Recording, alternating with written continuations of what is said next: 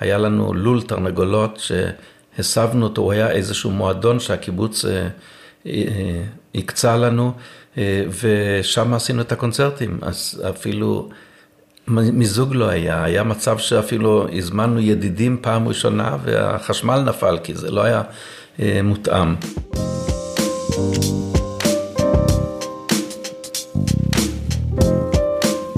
אתם מאזינים לזה קלאסי, אני אסף מעוז. האתגר עבורי בפודקאסט הוא למצוא אנשים שהעשייה שלהם היא גם התשוקה הגדולה שלהם ושהובילה אותם לדרך מאתגרת ומרתקת. בפרק היום פגשתי את גלעד שיבה, המייסד והמנהל של קשת אילון, איש חינוך בכל רמ"ח איבריו וציוני, או ישראלי שורשי, כמו שאני הייתי מקווה שיהיו עוד כמוהו. מיד תשמעו מגלעד את הסיפור של קשת אילון, אבל כמו תמיד אני מזכיר לכם, לחצו על כפתור הפולו בספוטיפיי, אפל או בדף הפייסבוק, זה קלאסי, כדי שלא תפספסו אף פרק. שמי גלעד שיבה, נולדתי בקיבוץ אילון, גדלתי כל חיי על מוזיקה, והתמזל מזלי וחיי צלחו. אה, אני חושב שיש לי זכות גדולה להכיר כל כך הרבה אומנים ואנשים נדיבים, ארץ ישראל היפה, העולם היפה. שחברו לרעיון משותף והצלחנו להוביל משהו שנוגע מאוד לליבי, אולי אפילו כמו אחד מבניי, ואני שמח שהפרויקט הזה מתקדם ויש לו התחלה, אנחנו עוד רחוקים מהאמצע והחזון עוד אה, הרבה לפנינו. אנחנו יושבים פה בקיבוץ אילון, בצפון, מקום יפהפה, אנחנו יושבים במשרד שלך.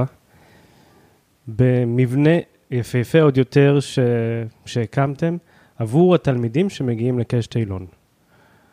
אז לפני שנגיע לדבר על איך הקמתם את המבנה הזה, איך התחלת את הרעיון הזה של קשת אילון? מאיפה זה הגיע לך? אה, זאת שאלה מעניינת ואני חשבתי על זה הרבה, אה, אבל אני חושב שצריך אה, לזקוף את כל מה שקורה בקשת אילון ונוצר כאן לדור המייסדים של הקיבוץ. הם היו, אה, רובם ככולם יוצאי אירופה, הם הגיעו אה, לקרקע כאן עוד לפני שאישרו את היישוב, ובחצי זית שהיה להם, או חצי ביצה שהם אכלו וזית, אה, האינקאם הראשון שלהם, הם קנו פסנתר יד שנייה, אני חושב, הקימו מקהלה, שרו בכרם, הם השכילו מאוד להביא הנה מורה למוזיקה אמריקאי, שאני תמיד חושב עליו כשאני, שואלים אותי מאיפה זה התחיל. שמו היה אבי בלקמן, הוא עברת את שמו לאבי שחר. הוא עלה עם תנועת השומר הצעיר וישב בקיבוץ סאסא. בית הספר שלנו באילון היה משותף לאילון ולסאסא. והוא הגיע כמורה, מכיוון שזה היה בית ספר פנימייתי, אז הוא גם גר פה כמעט כל ימות השבוע. והוא היה דמות להערצה. אה, כל אחד בתיכון כאן השתתף במקהלה, כולם ניגנו על כלים, אם הייתה לך שמיעה קצת יותר טובה, ניגנת על אה, כלי קשת, ואם פחות, על כלים אחרים, ואם לא שמעת בכלל על משולש, אבל לא היה מצב ש, שלא ניגנת ולא שרת במקהלה, והוא השפיע עלינו מאוד. אה, רצה הגורל שבשנת 89, אני חושב, אה, הבאנו פה קבוצה של 100 ילדים אה, במסגרת נוער מוזיקלי, ובתוך הקבוצה הזאת גם הגיעו קבוצה של אנגלים עם המורה שלהם בשם יצחק רשקובסקי. אה, היה פה גם אמנון ויינשטיין שהיה בונה כינורות, והייתה פה מין אווירה מיוחדת שלא רצינו לפזר את זה. שמע, קשת אילון קיימת מעל 30 שנה, נכון? בהחלט. כשאני הייתי נער, או מתבגר נקרא לזה, וניגנתי כינור, חלק מהחברים שלי הלכו לקשת אילון, ואני מעולם לא הלכתי, כי תמיד חשבתי, מה הרעיון הזה של אוסף של חבר'ה שמתחרים מי מנגן הכי מהר, הכי חזק, אתה יודע, כמו הסלוגן של המכבייה, הכי גבוה, הכי מהר, הכי חזק, ולא הבנתי את הרעיון. מה הרעיון? תראה, אה, אני גם בא לא רק מתחום המוזיקה, אני גם בא מתחום החינוך. ו... אני חושב שזה מאוד אה, נכון לתת דגש לכל הסוגים או כל האוכלוסיות הקיימות. אבל גיליתי שדווקא האוכלוסייה שדי נפגעת היא דווקא האוכלוסייה של המצוינות. וצריך לתת לזה תשומת לב. מה גם שאני ראיתי שישראל יצרה מוזיקאים יוצאים מן הכלל, שגרירים נהדרים למדינת ישראל. והייתה איזושהי אה, הפוגה. הדור הזה של הכנרים הגדולים, אם זה יהודים ואם זה ישראלים, אה, נפסק קצת הקצב, וחשבתי לעצמי מה קרה. אה, אבל אני לא הייתי לבד כמובן, אף פעם שום דבר מכל המהלכים האלה הם לא דברים שאני עשיתי לבד. תמיד היה לי שותפים, כמובן בראש ובראשונה יצחק רשקובסקי ואשתו אני שנר, שהם פה מהיום הראשון היה אמנון ויינשטיין, אחרי כמה שנים גם היה פה לתקופה שלמה מינץ. אה, אה, זה בהחלט אה, נתן מקפצה, אבל הסיבה הכי חשובה זה שצריך לתת ביטוי גם לדור הצעיר וגם לאתגר אותו ולשאוף שישראל תהיה המקה של הנגנים. למה זה צריך להיות בסין או ב... או באירופה או בברלין, שהיום אפשר להקים שם בלי סוף אה, תזמורות פילהרמוניות של ישראלים בלבד. יש פה גם הרבה מסרים סמויים. קודם כל, אנחנו נמצאים בצפון, כמו שאתה ציינת, אה, ב- למרגלות הרי הלבנון, ואין שום סיבה שלא תהיה כאן מוזיקה איכותית, כמו שבמרכז הארץ או במרכז העולם. ואני תמיד אומר שמרכז נקבע על פי האיכויות שלו ולא על פי המיקום הגיאוגרפי.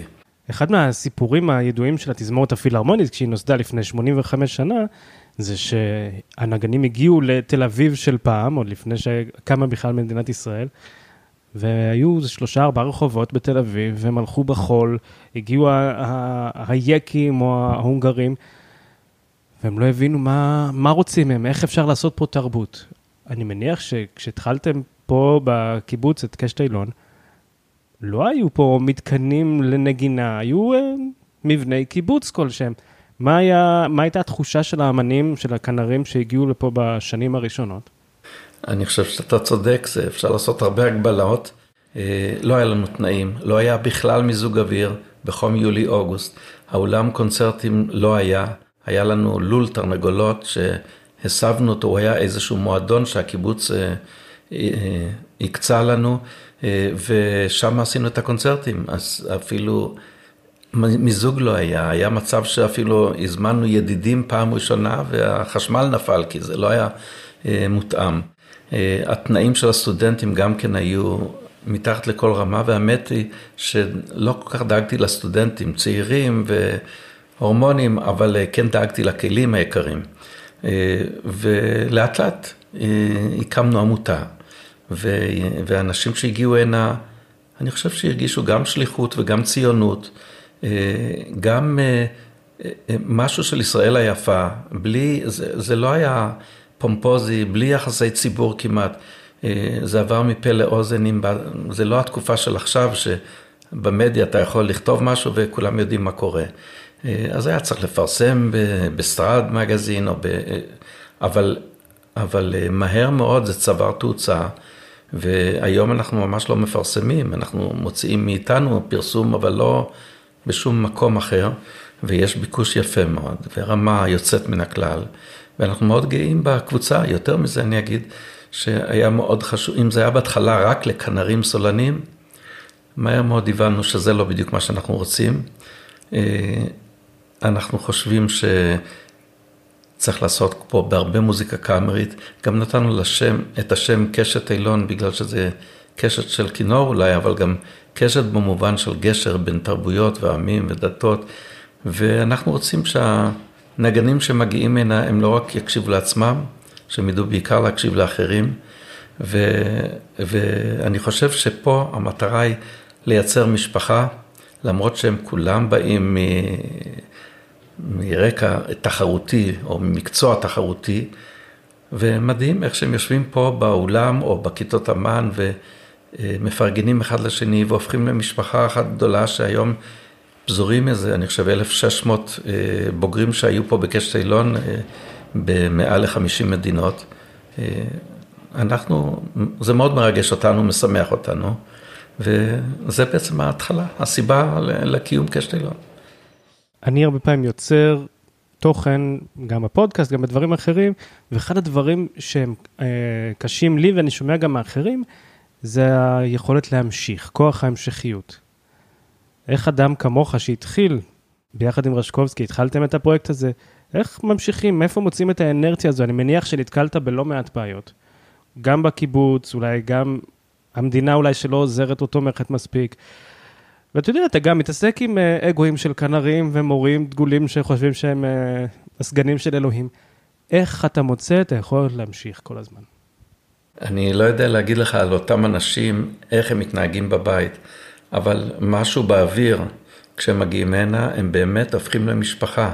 אולי גם האווירה שאנחנו יוצרים כאן היא כזאת, אבל uh, זה לא כמו בצבא שיש חדר אוכל לקצינים וחדר אוכל לנגדים וכולי, ולטירונים. Uh, זה ממש משפחה אחת, אם צריך לעמוד בתור להגשה עצמית, אז גם הפרופסור הכי גדול עומד עם מכנסיים קצרים, ו, ולפעמים מתקבצים כמו זבובים סביב ריבה, או דבורים כמו סביב צוף. לנו זה כמו לידה מחדש כל שנה, וזה כמו ילד נוסף, וזה התרגשות גדולה, וכל זמן ש, שההתרגשות הזאת קיימת, אני חושב שהבעירה הזאת לא תיפסק. ואנחנו מאוד מאושרים, אבל אנחנו באמת בראשית הדרך. התוכניות הן מאוד גדולות, והן תוכניות שאני חושב שהן לא רק קשורות בקשת אילון, הן תוכניות שהיו צריכות לעניין הרבה יותר את המדינה. אני חושב שיש בארץ בריחת מוחות גדולה מדי, לא רק בתחום המוזיקה, אם זה בספורט, אם זה במדע, אם זה בכל כל תחום, אפילו אולי בהייטק, אני... לי יש ארבעה ילדים, לנו יש ארבעה ילדים, ואחד מהם אה, יושב היטב בסיליקון ואלי, וחבל, חבל, אני חושב שיש פה למדינת ישראל הרבה מה להציע, ואני חושב שצריך להשקיע בזה, זה העתיד, גם התרבות שמחברת, גם העשייה המשותפת, ובעיקר בתקופה כזאת שהיא כל כך עוסקת בהפרדה ובקיטוב, החיבור דרך מוזיקה זה באמת יהודים וערבים ונוצרים ומוסלמים ו-you name them, בנים ובנות ומכל הסוגים, מה שתרצה. וזאת משפחה, אז זה נותן הרבה כוח. אז באמת לא הייתי פה ככנר, כתלמיד, אבל הגעתי לפני מספר שנים לפה כמורה. באמת היה פה פרויקט משותף שלכם ושל אה, פוליפוני, של אה, חבר'ה ערבים מנצרת שמנגנים, והיה פה פרויקט יפהפה. בעצם אתה דיברת על הקשת הזו, ואתם באמת מקדישים הרבה מחשבה לשלב חבר'ה, אה, לאו דווקא ישראלים או מחו"ל, אלא דווקא ערבים ישראלים, או לא יודע מה ההגדרה הנכונה. למה זה חשוב לכם? למה זה חשוב? כי אני חושב שזאת מדינה אחת. אני מאוד מאמין בדו-קיום, בחיבורים ולא בפילוג, אה, כמו שאמרתי קודם, בגלל זה גם השם קשת, זה באמת הרבה יותר רחב מאשר אה, הנושא המוזיקלי. מהשנה הראשונה הגיע, אנחנו הגענו לכפרים, ליישובים ערביים, וניסינו אה, לעניין אותם. וגם גייסנו כסף בשביל פעילות בחברה הערבית, אה, והיו הצלחות והיו כישלונות. בשנת 2005 לדעתי, כשהייתה האינתיפאדה, אה, אנחנו הבאנו קבוצה מהמשולש עינה.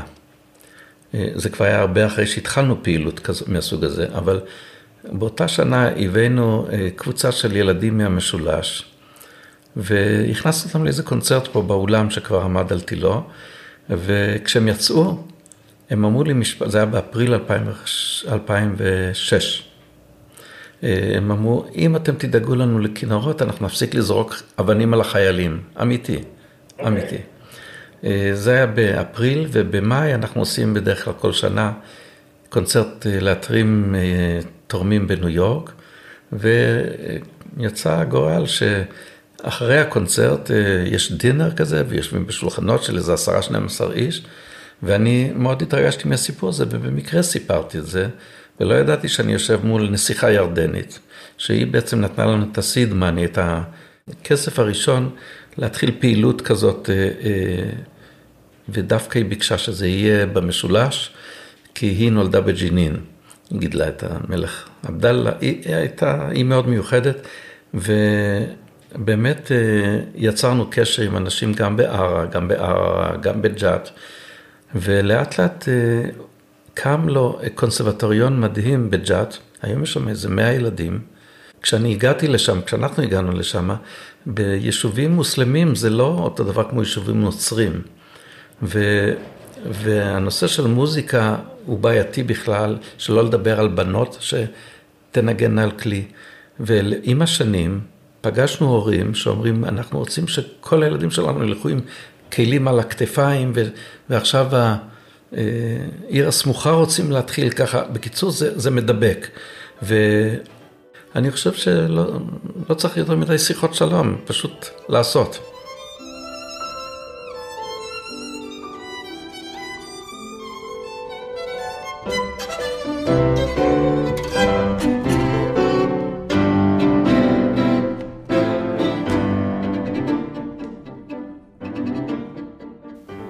באמת מדבר על הצורך הזה בכסף, שאין לך הרבה תמיכה, אין לכם הרבה תמיכה מהמדינה, אם בכלל, ואתה באמת צריך לעסוק בגיוס כספים, בגיוס תרומות, שהיום זה מקצוע, ממש בעולם. אתה לא מומחה בגיוס כספים, או לא היית, אולי עם השנים התמחית בתחום. יש בזה משהו מאוד לא כיפי ללכת לאנשים מאוד עשירים ולהגיד להם, תשמעו, אני צריך פה עשרת אלפים, פה עשרים אלף, לא יודע, סכומים יותר גדולים. איך אתה מתמודד עם זה? אני בעיקר מקשיב. אני לא מסוג גייסי הכספים שבאים ואומרים, אני רוצה עשרת אלפים או עשרים אלף. אני לא יודע להגיד את זה. אני יכול רק לתאר מה שיש פה, ולעניין את האנשים, ולהביא אותם הנה, ולראות, ולהאמין. ואני חושב שכשהלב נפתח, גם הכיס נפתח. זה כל מה שאני יודע, אני לא, לא קיבלתי שום הכשרה, אין לי הכשרה כלכלית. אני יודע רק ששתיים ועוד שתיים צריך להיות לפחות חמש. שמע, אבל בעצם הלול שממנו התחלתם הפך לאולם קונצרטים יפהפה, אחד הטובים בארץ. הקמתם פה את המעונות לתלמידים ולמורים, שזה באמת אה, נפלא ונשגב. זה דרש הרבה חזון, זה דרש הרבה אורך רוח. יש עוד uh, חלומות כאלה בדרך? להגדיל את הנדלן. אני קורא לו במרכאות נדלן רוחני, כדי שהאנשים שמגיעים לקורס, יהיה להם יותר מקום להתפתח, להתאמן, לצמוח? בהחלט. לא נדלן פיזי כמובן, נדלן רוחני, אני מסכים איתך. אני חושב שברגע שיגיעו הנה אותם מורים שאנחנו כבר מדברים עם אנשים, ויש לנו כבר את ה... את ה זרענו את ה... את ה אה, המחשבות האלה בקרב אי אלו, גם מהבוגרים וגם, זאת אומרת, גם מהמורים הידועים וגם מהדור הצעיר יותר, ששמם הולך לפניהם. אה, אני חושב שלא רק שזה יעשה טוב, בוודאי לאלה שיגיעו הנה, אבל זה ימלא את השורות גם של האקדמיות, זה ימלא גם את השורות של התזמורות בעתיד, זה ימלא את השגרירים שיצאו ממדינת ישראל, זה, זה, יש לזה אופק עצום, וכמובן שצריך למצוא פה שק של זהב. אה, אתה יודע, אני ביקרתי בין היתר, אולי גם אתה במסגרת הנסיעות שלך, היית בקולברן סקול למשל. זה חלום, באמת. אה, בלוק שלם מול התזמורת. עם, אני יודע, מבנה ש, שכל, זה, זה מעונות ולמעלה זה של הפקולטי, יש שם אפילו את הסטודיו של אה, אה, יאשה חפץ, ממש כמו שהוא הועתק לשם, אז באמת ברגע שלא צריך לדאוג לכסף אפשר לעשות פה פלאים, אבל בינתיים צריך לדאוג ל, ל, ללחם ולחמאה, ואני בטוח שזה יבוא, כי זה באמת נושא שהוא... בזה צריכה להסתעסק מדינת ישראל, אני לא מדבר על ביקש אילון, בעתיד של הנוער, אם זה בכל התחומים, אבל גם בזה. הרבה מורים מאוד מפורסמים עברו פה בקורסים שלכם. יש איזה מורה או מורה שלא חלמת שיבואו ופתאום הם כן הסכימו לבוא, שממש שימח אותך שזה קרה? הרבה מאוד. מי למשל? כמעט כולם. תראה, אני למשל זוכר את הפגישה הראשונה שהייתה לי עם עידה הנדל. אתה בטח פגשת אותה, כן. או היא הופיעה הרבה בפילהרמונית, אתה יודע, אישה ש... כמו שפגשתי אותה במלון הילטון כשהגיעה לביקור בארץ, עם הלבוש המיוחד ועם איך שהיא מדברת, אני ידעתי שאני רוצה שהיא תהיה פה, אבל איך אני אוכל לתת לה הילטון? לא אוכל לתת שום הילטון. באותה תקופה המורים גרו בדירות שמישהו בקיץ במקרה נסע לחופשה, או באיזה חדר שארגנו והבאנו שטיחים והבאנו... ובאמת בפעם הראשונה שהיא הגיעה הנה, היא אמרה, אני לא נשארת פה. היא הגיעה ב-11 בלילה מהטיסה, אני לא נשארת פה. הורדנו אותה לקרלטון בנהריה, ולאט לאט היא ראתה שיותר קל לה להיות פה בכל זאת. זה אה, הרבה מאוד אנשים כאלה, גם עברי גיטליס בשנה הראשונה שהוא היה, אבל אה, אה, הרבה מאוד אנשים שזה מאוד מפתיע. באמת, אני חושב שהסוללה של המורים שלנו היא נהדרת. אתה יודע, גם ששמואל אשכנזי החליט להגיע הנה, גם... אני לא רוצה להתחיל לנקוב בשמות, כי אחרת זה... זה... אחת הפעילויות שהסטודנטים מגיעים והם עוסקים בהן מעבר לשעות אימון האינסופיות והשיעורים, זה חץ וקשת. מעבר לזה שיש קשת בכינור וקשת בשם של חץ וקשת, למה לעשות את זה ואיך זה קשור בכלל לכנרים? מה, מה זה נותן להם? תראה, את הרעיון הזה הביא בשעתו אמנון ויינשטיין. הוא הסביר את זה בשעתו, שגם היציבה, גם הקואורדינציה, גם הקורלציה, גם הדיוק, יש המון אה, תחומים משותפים בין הנגינה בכינור במיוחד, לא בצ'לו, אבל בכינור, לבין אה, ירי בחץ וקשת.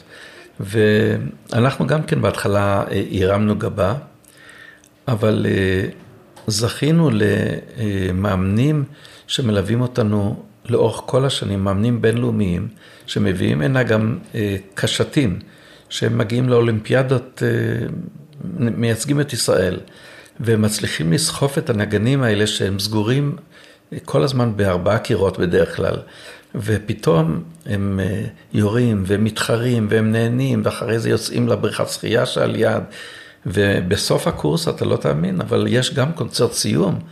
אבל יום לפני זה יש תחרות חץ וקשת, והמורים משתתפים בזה, וזה מרתק. בסוף יש עוגה מסורתית בצורת חץ וקשת, וזה באמת חגיגה, וזה טוב, זה חשוב מאוד שהם יעסקו בעוד תחום, גם, גם מבחינת שבירת המחיצות, זה, זה, אני מוצא את זה כדבר נפלא. אז אתה עושה את הדבר הזה המון שנים, מעל 30 שנה. יש לך עוד חלומות? נשאר עוד משהו שצריך להגשים? כמו שאמרתי בהתחלה, אנחנו רק בהתחלת החלום. אז זהו, אני, אני כבר תוהה, כמה עוד אפשר לחלום? התחלת בלול ואתה עכשיו באימפריה, מה עוד צריך לעשות? המטרה עכשיו היא באמת לגייס את כל הכספים האפשריים בשביל שנוכל להשלים את כיתות הלימוד. אני אגיד אפילו שהייתי רוצה גם מאוד שיהיו פה את הדירות לסגל, כי היום הסטודנטים גרים בתנאים יותר טובים מהסגל עצמו, שזה בפני עצמו חלוציות, ובעיקר צריך מימון מאוד מאוד גדול בשביל להקים בית ספר כזה. והבית ספר הזה, אני רואה לנגד עיניי איך שהוא הופך באמת למכה של נגני הכלי קשת. והופך למקום שפשוט כיף להיות בו. כמובן שזה לא פשוט, כי צריך ליצור בית ספר בינלאומי בשפה האנגלית. יש לנו כבר שותפים של בית ספר תיכון שמאוד מעוניינים שאנחנו נשתף איתם פעולה, זאת אומרת, יהיה להם גם לימודים משותפים והם יתערבבו עם בני נוער, בני גילם. אבל בחינות בגרות זה דבר שהוא מאוד חשוב, אני משוכנע שכל אחד שיסיים פה הוא חייב לסיים בגרות, אבל בגרות שתותאם לנו, שלימודי המוזיקה והלימודים הקשורים במה שהם יעסקו פה, יהיו לפחות 50 אחוז, וזה תהליך לא קטן שצריך לעבור אותו עם משרד החינוך, עם, מיש, עם השלטונות. אני מאמין שזה אפשרי, רק צריך להקדיש לזה הרבה זמן, ו, ואני בטוח שזה יהיה פה אחד מגני העדן, או אם עוד לא ביקרנו בגן עדן, אז זה יהיה סוג של גן עדן. אני אוהב לסיים את הפרקים שלי בבקשה להמלצה, המלצה תרבותית, ספר, שיר, סרט, אולי תרצה לשתף את המאזינים באיזשהו משהו כזה. אה, מה אני אגיד לך, יש כל כך הרבה, אבל אני אולי אשתף אותך ב... עכשיו ראיתי שעמית אה, פלד ודייוויד גרימל הופיעו פה עם הכפול של בראמס. זאת יצירה שמלווה אותנו, את אשתי ואותי, כמו שהתחלתי את הדיון, אה, מהיום הראשון בעצם זה ליווה אותנו. בראשית הדרך שלנו, והיצירה הזאת מלווה אותנו לאורך כל השנים. אה, היום כששואלים אותי איזה יצירה אתה יכול להצביע, איזה... פעם ידעתי להגיד, היום אני פשוט לא יכול להגיד, כי יש שפע כזה ואתה נחשף, למרות גילי המופלג, כל קיץ אני נחשף ליצירות חדשות ומרתקות, ו... וגם אה, הנושאים שבהם אנחנו עוסקים, אה, הם נושאים שמלווים אותנו לאורך זמן. אז אני, אם אני הייתי צריך לבחור, כמובן ביצירה, אז אה, לא חשוב מה תבחר משלושת הבטים, לא חשוב מה שתבחר אפילו ממוצרט, דברים שליוו אותי במשך כל חיי, אני מאוד אוהב, אה, באמת, אני חי באושר גדול, בזכות גדולה. תשמע, שאלה האחרונה שלי ממש, אני חייב לשאול אותך. לא נמאס לך לשמוע כינור? ממש לא. ממש לא. אני יודע שאני פוגש מוזיקאים, למשל, אם צריך לנסוע מאילון לתל אביב לקונצרט, ואני לוקח איזה מורה או שניים, רק אל תשים מוזיקה קלאסית. אבל אצלי זה אה, חלק בלתי נפרד. זה סם חיים, ממש. ואם הנגינה היא גם איכותית, אז בכלל זה מביא לדמעות, באמת. תודה רבה לגלעד שיבה. אני מאוד מקווה שבעקבות הפרק, חלקכם יבחר לבקר בקיבוץ אילון, ולראות במו עיניכם את הנוף המוזיקלי, או הנדלן הרוחני, שפורח שם. כמו תמיד, אתם מוזמנים ומוזמנות לכתוב, להגיב, לשאול שאלות בעמוד הפייסבוק זה קלאסי, או במייל שמופיע בתיאור הפרק. אני אסף מעוז, נשתמע בפרק הבא. thank you